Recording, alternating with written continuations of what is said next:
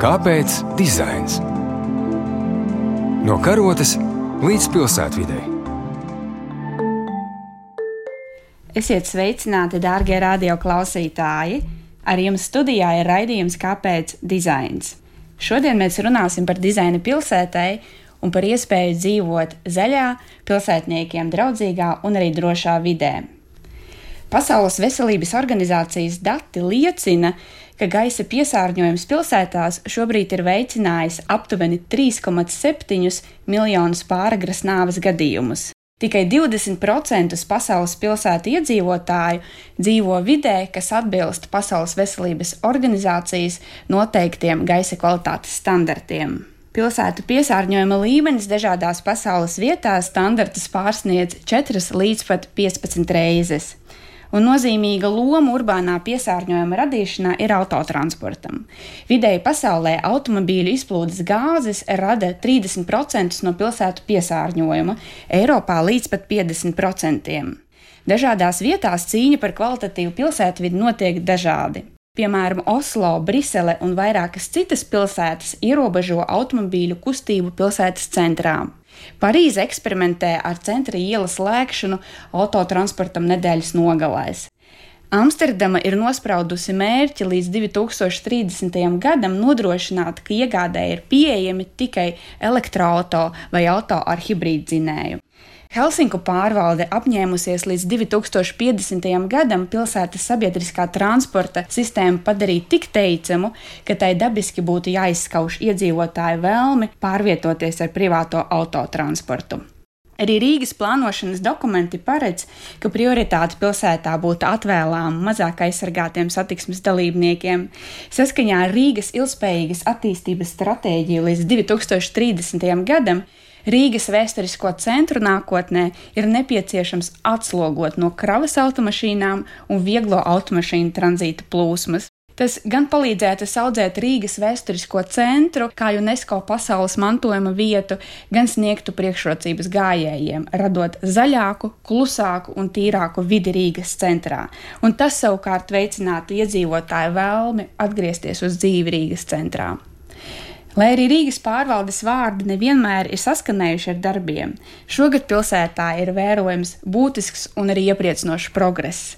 Gada pirmajā sestdienā Tērbatas ielā tika slēgta automašīnu satiksme, un iela tika atvēlēta gājējiem un arī velobraucējiem, kā arī dažādām uzņēmējdarbību veicinošām aktivitātēm. Tērbatas ielas slēgšana ir sākums plašākam eksperimentam. Tuvākajā laikā reizi mēnesī par gājēju ielām pārvērtīsies arī vairākas citas Rīgas centra ielas. Ar mani kopā šodien ir Rīgas centra ielu mobilitātes eksperimenta idejas līdziniciatori, nevalstiskās organizācijas Rīgas centra attīstības biedrības pārstāvis Jānis Aufmanis un ceļu projektētājs Rihards Ieviņš.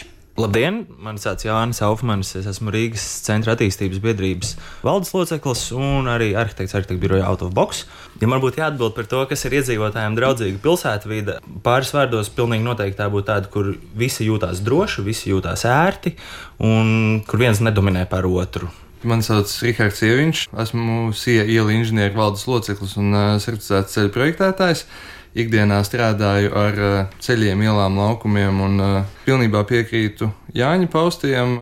Ar vienu varbūt piebildi, ka būtu svarīgi saprast, ka visi vienmēr nebūs apmierināti un laimīgi, un ir jāizvērtē mazākais ļaunums, lai iegūtu visiem lielāko labumu.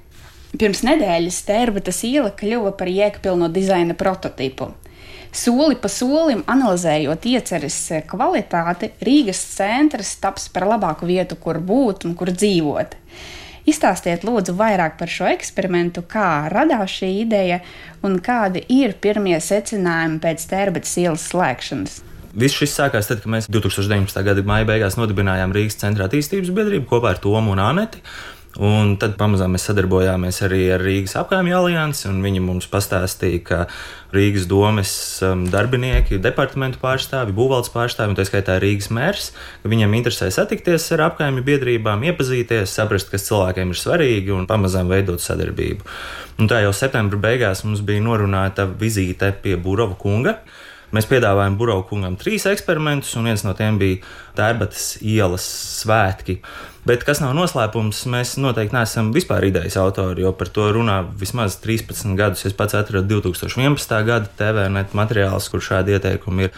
Tad, kad tas palika pavisam nopietni, īsi pēc tikšanās ar Burovu kungu mums zvanīja Viesturs Celmiņš, kurš um, ir Burovu kunga um, padomnieks mobilitātes jautājumos. Viņš teica, ka Rīgas domē sākoties sarunas par gājēju ielu, par to, kā atgriezt iedzīvotājs pilsētas centrā, un arī mēs kā biedrība tikām pieaicināti šajā visā procesā piedalīties. Par ko mums ir, protams, protams, ļoti liels prieks. Kā Jānis teica, tā ideja ir ļoti sena, un es pat pie viņas esmu strādājis pirms 11 gadiem. Toreiz pat tika ļoti detalizēti pētīts, ko un kā tas ietekmētu transporta plūsmās, cik garu posmu mēs varētu slēgt. Tā ka tas jau pat līdz augstai detalizācijai vienmēr ir kaut kur gaisā peldējis, līdz tas ir realizējies. Un tie pirmie secinājumi man droši vien, ka pēc šī eksperimenta būtu tādi, ka visi ir dzīvi, sveiki un veseli, nekādas kataklizmas nav notikušas, un ir svarīgi, kā to atspoguļo. Piemēram, lielākās ziņu platformas bija nosūtījuši savus žurnālistus agrā rīta stundā, nobildējot vienkārši tukšu pelēku ielu. Tāpat laikā dienas otrajā pusē sociālajos tīklos parādījās tik daudz video un, un attēlu no tā, kā tā iela pārvērtās. Tāpēc ir svarīgi, kā mēs arī parādām to eksperimentu. Secinājumi noteikti pārsniedz cerības, kādas bija pirms tam bijām gatavi, ka varbūt diezgan maz cilvēku uz ielas, jo tas tomēr ir janvāris, un par spīti tam būtu ko mācīties, un es domāju, ka varētu atzīt eksperimentu par veiksmīgu, bet nu, tas, kas uz ielas notikās visas dienas garumā, bija pārsteidzoši un ļoti iepriecinoši. Bija patiešām daudz cilvēku. Mēs devāmies pie cilvēkiem jautāt viņu viedokli. Absolūtais vairākums bija ļoti pozitīvs atsauksmes gan no iedzīvotājiem, gan no cilvēkiem, kas bija speciāli atbraukuši. Es personīgi biju cerējis dzirdēt vairāk kritikas un ar šiem cilvēkiem, kas ir idejas pretinieki, ar viņiem vairāk sarunāties, jo, manuprāt, tas ir galvenais, kas ir jādara. Bet um, tāda saruna izdevās ar kādiem četriem cilvēkiem, kas bija nedaudz kritiski. Vislielākais bija viņa sašutums par to, ka pēdējā brīdī ir uzzinājuši. Pat visdusmīgākie un neapmierinātie cilvēki teica, ka jā, ja viņi būtu uzzinājuši ātrāk, viņu viedoklis būtu daudz maigāks un viņiem nebūtu tāda nepatika pret šo pasākumu. To ir noteikti jāņem vērā visos turpmākajos eksperimentos, un es domāju, ka tas ir ļoti, ļoti svarīgi.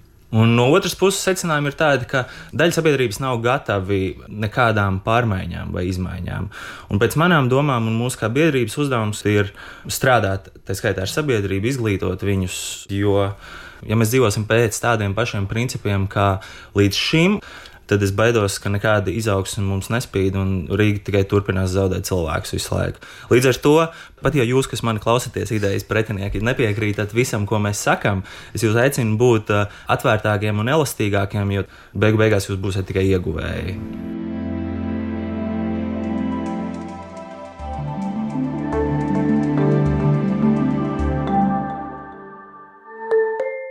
Mēs jau no paša sākuma gribējām tērbatas ielas eksperimentu saukt par eksperimentu, jo šāds gājēju ielas pasākums, es esmu pārliecināts, nebūtu noticis vismaz vēl gadu vai divus, ja mēs būtu centušies apzināt pilnīgi visus iesaistītos, pārliecināties, ka visi ir apmierināti ar mūsu ideju, un tad tā būtu arī liela atbildība šādu pasākumu ieviest uz ilgu laiku, neapzinoties sekas. Līdz ar to eksperimentu priekšrocība ir salīdzinoši nevainīga īsā laikā, var izmēģināt dažādas idejas, pat ja rezultāts ir neapmierinošs, īsā laikā nekāds liels posts nevar tikt nodarīts. Tādēļ mēs vēlētos redzēt eksperimentus arī, piemēram, par velojoslām. Ja ir runa par brīvības ielu, kur ir spiediens ierīkot velojoslas, bet tāpat laikā ir pretestība, jo nav vietas un tas prasa lielu pārorganizāciju, es domāju, ka var uztaisīt velojoslu uz divām dienām un paskatīties, kā tas notiek. Ja mēs runājam par kādu kopējo pilsētas virzību un kāds ar eksperimentiem tur nonākt, ir vienkārši paskatīties, kā tas ietekmē, kā cilvēki izmaina savus ikdienas paradumus un palēnām iet tālāk. Jo nav tā, ka ir jāatsakās vai no mašīnām, vai, manuprāt, domstarpība radās, ja kāds aktīvists pasakā, ka tagad slēdzam tērbats ielu, ka uzreiz tā pretreakcija no autovadītāja kādu. Es vairs nevarēšu nekur braukt ar savu mašīnu. Manuprāt, tas uzreiz aizķer kaut kādu viņa brīvību un iedomāto komfortu, kad nekur vairs nevarēs. Tas vienkārši ir jāskaidro, un, ja tā komunikācija notiek, tad cilvēkiem ir vieglāk mainīt tos paradumus. Es esmu diezgan pārliecināts, ka jau pēc šī pirmā tērbacīlas eksperimenta gan uzņēmēji, gan arī iedzīvotāji sāks pieprasīt vairāk līdzīgus vai nu eksperimentus, vai nu uzlabojumus publiskā ārtelpā. Un man šķiet, ka būtiski ir um, tieši realizēt un parādīt šīs idejas, kā tas notiek dzīvē, jo tad patiešām tas ir aptverams un cilvēki ar to saskarās un viņi saprot, cik tas ir labi lielākoties. Turpinājums ir 1. februārī Blaumaņiela, un 1. marta sestdienā tā varētu būt Baroniela. Grūti komentēt kaut ko ļoti precīzi, jo tas ir atkarīgs no Rīgas domes atbalsta šiem projektiem. Šobrīd viņš ir. Kā būs pēc ārkārtas vēlēšanām, to redzēs. Bet pēc šī pirmā eksperimenta un pēc šīs atsaucības, lai arī kurš būtu pie varas, visiem būs diezgan liels spiediens turpināt iesākt to, un tas ļoti priecē.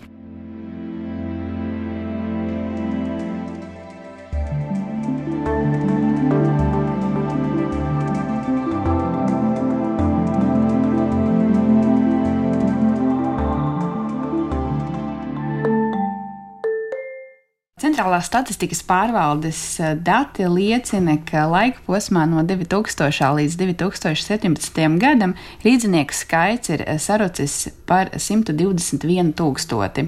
Vērtējot izmaiņas apkaimju līmenī, visstraujāk iedzīvotāju skaits ir sarucis tieši Rīgas centrā. 2017. gada sākumā tur dzīvoja jau gandrīz divas reizes mazāk iedzīvotāju nekā 2000. gadā.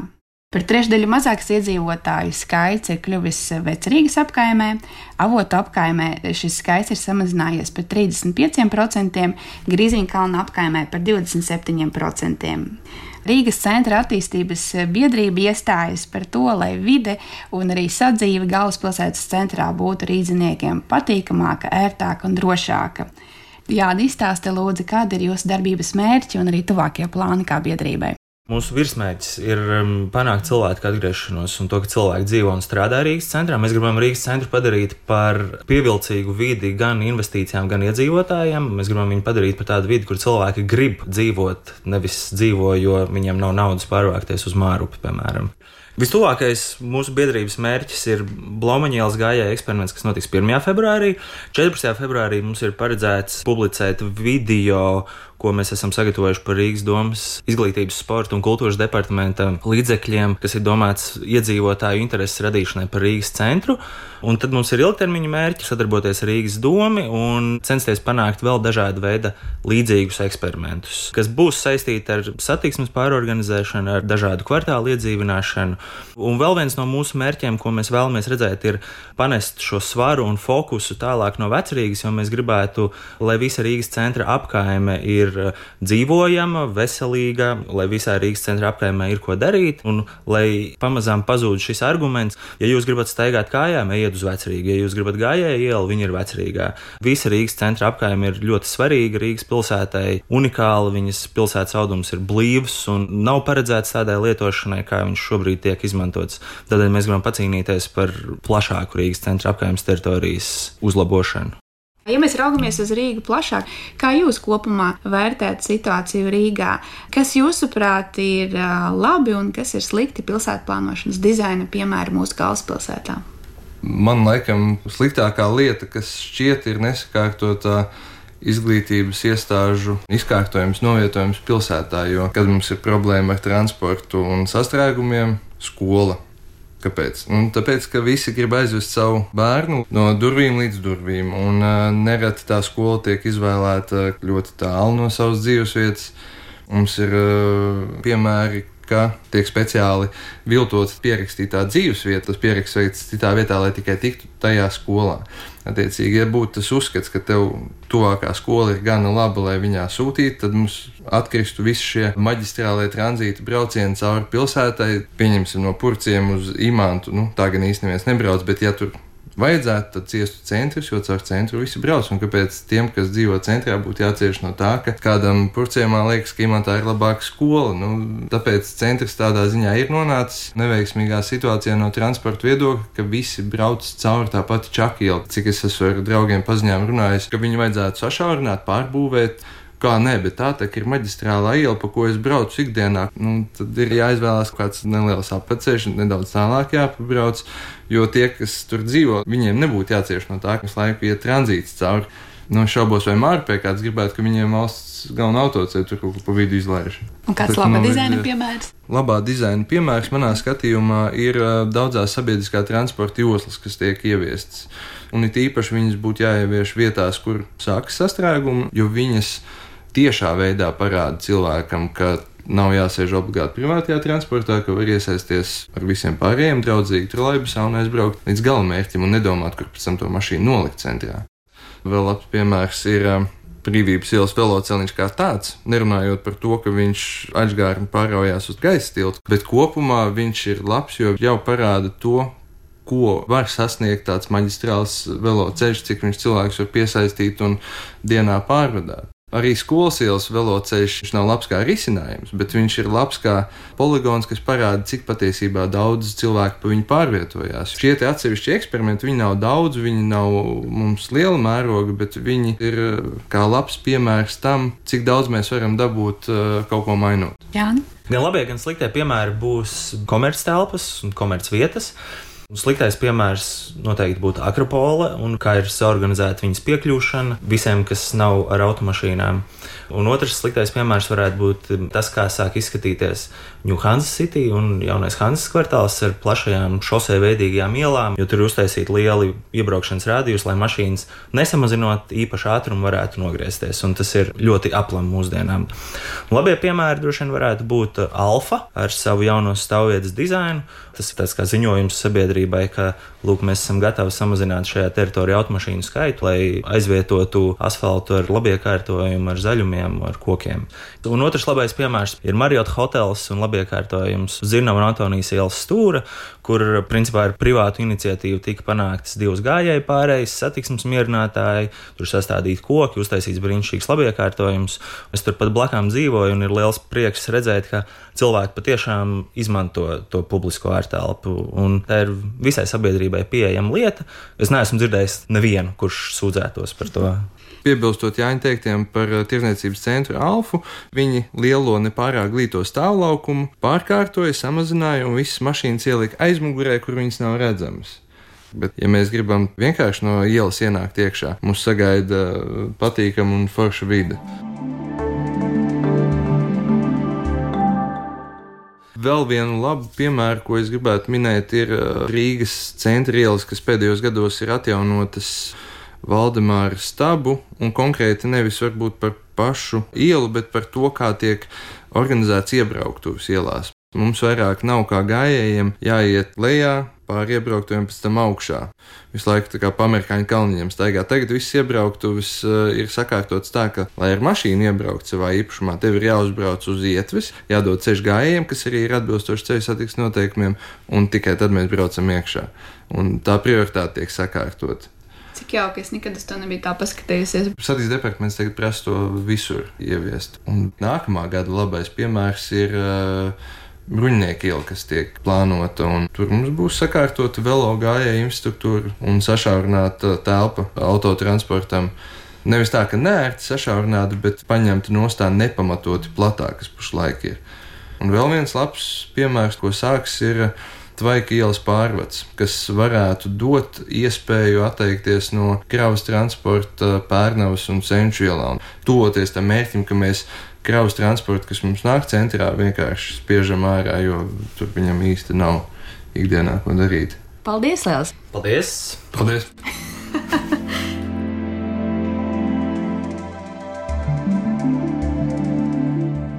Raidījumu vadīja Jelena Solovjova montēja Andra Černievska, raidījums tapis ar valsts kultūra kapitāla fonda atbalstu. Kāpēc dizains? No karotes līdz pilsētvidai. Pirmdien, 9.5. ar atkārtojumu sestdien, 18.18. 18.